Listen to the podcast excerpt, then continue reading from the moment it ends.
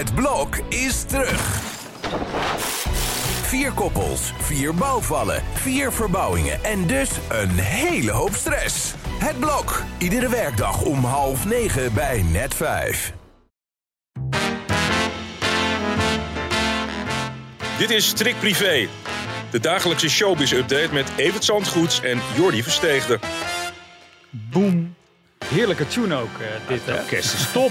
Het is echt En ongelooflijk. gezellige mensen ook. Weer koffie gekregen. Ja, heerlijk. Ja, we betalen ze flink ook om iedere dag hier te zitten. En dan komen ze ook gewoon heel netjes. Hè. Zou dit het orkest van André Hazes zijn? Dat metropool eh, wat we hier horen. Dat weet ik niet. In ieder geval wel blazers die me bekend voorkomen. in elk geval. Ja. Genoeg onzin in ieder geval alweer aan het begin van deze strikt privé podcast. En ik moet even beginnen, Evert, eh, met ik schrok gisteravond. Ik dacht toch niet weer met Glennis en haar zoon. Nou, inderdaad, Glennis die komt weer als een leeuwin op voor haar zoon. En dat Ja. na geruchten op internet dat die jongen opnieuw vastgepakt zou, opgepakt zou zijn door de Amsterdamse politie. Ja. Dat kwam door een filmpje wat daar verscheen en waar een buurman riep... Hé, hey, kijk, dat is de zoon van Glennis Grace die wordt gearresteerd. En sommige media namen dat klakkeloos over. En eh, zij reageert weer als door een wesp gestoken.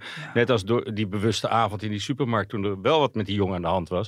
Want het is hem helemaal niet. En zijn advocaat heeft dat laten weten en Glennis heeft het laten weten. En Glennis heeft ook laten weten dat ze het er misschien niet bij laat zitten en er een advocaat op wil zetten. Nou, ja, ja dat, dat heet vechten als een leeuw. Maar ja, aan de andere kant, kijk, als je hier naar kijkt. Dit is voor Glennis natuurlijk ook wel heel lastig om weer dat imago van haar op te poetsen. Hè. Dat, je merkt aan haar, maar aan de andere kant, ze doet ook niet echt haar best. Want ik zag vorige week weer video's voorbij komen dat ze door een of ander tuincentrum aan het chasen was om een kartje. Ja. Een soort van Ja, kleuter. ze reageert als het die jongen betreft heel Ja. impulsief. Ja. En dat heeft er destijds duur komen te staan. En je ziet nu aan deze felle reactie ook dat als je aan die jongen komt, dan kom je aan haar. En dat pleit voor haar. Maar eh, af en toe nadenken. En hier heeft ze gewoon gelijk. Maar toen wat, toen wat meer nadenken in die supermarkt, dat had er niet meer staan. Want ja, het laatste woord is hier nog niet over gezegd. eh, aldus Glennis. Maar ja, over die affaire in die supermarkt natuurlijk ook niet. Want dat gaat gewoon voorkomen na de zomer.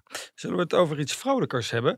Laten we dan maar beginnen met Het, eh, ja, je zou zeggen de Eurovisie-tune, dus het Songfestival gaat beginnen. Ja. Maar als het gaat beginnen, komt het niet uit Oekraïne. Dat leek me ook een heel dwaas idee.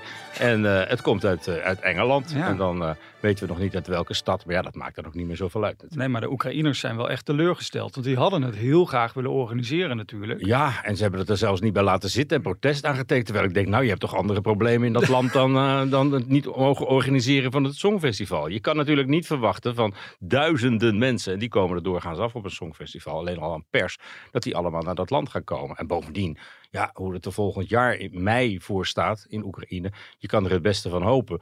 Maar het blijft natuurlijk een land in puin. Ja. En waar misschien ook tegen die tijd nog gewoon oorlog woedt. Dus eh, ik denk dat een liedjesfestijn hartstikke leuk is om te doen. Maar om dat nou per se vanuit eh, eh, dat Ja. land te doen, dat lijkt me niet zo verstandig. Het zou mooi zijn als dat over twee jaar wel lukt, omdat het dan weer beter gaat in, eh, daar in dat land. En waar zou het in Engeland georganiseerd moeten worden? Londen nou, je bijvoorbeeld? zou Of- zeggen in de O2 Arena, maar ja. Ja. die zit ook regelmatig vol. Maar ja, er zijn zoveel steden die dat willen en kunnen en doen. En eh, het, toen het uit Engeland kwam, kwam het ook niet altijd uit Londen. Dus oh, Nee, is ik kwam ook nog herinneren dat Brighton een keer aan de beurt was aan de kust. Dus ja, Birmingham heb ik gelezen. In 1998 was dat de laatste keer dat het daar georganiseerd werd. ja.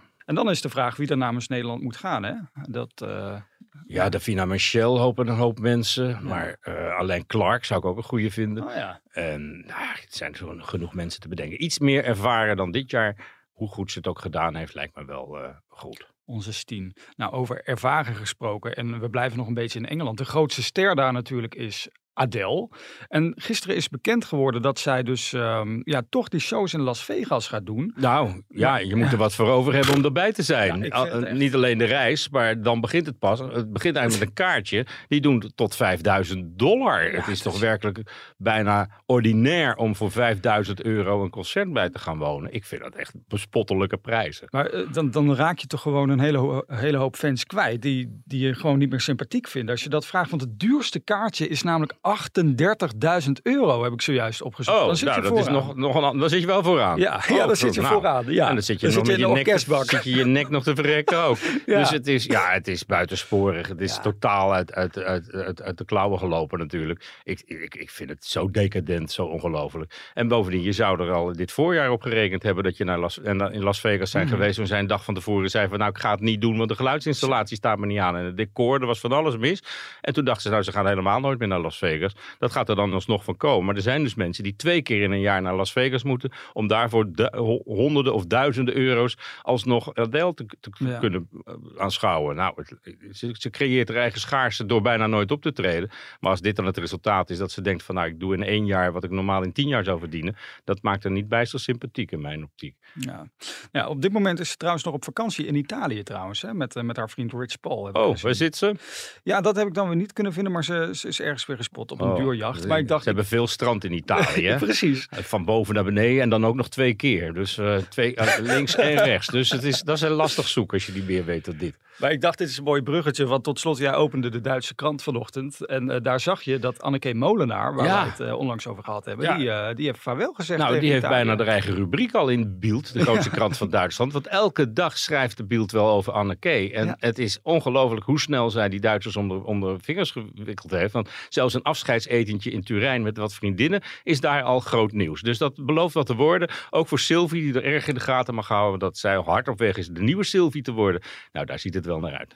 Evert, Nederland is voorbij. En morgen is het Privé Day, noem ik het dan vanaf nu maar even. Want er komt een nieuwe uit. Nou, een spectaculair nummer. Oh, en uh, daar gaan we het uh, ook op uh, de verschillende podia over hebben. Zoals in deze podcast. Vanaf 12 uur weer een nieuwe op telegraaf.nl en in je favoriete podcast. Tot, Tot morgen. morgen. Houdoe.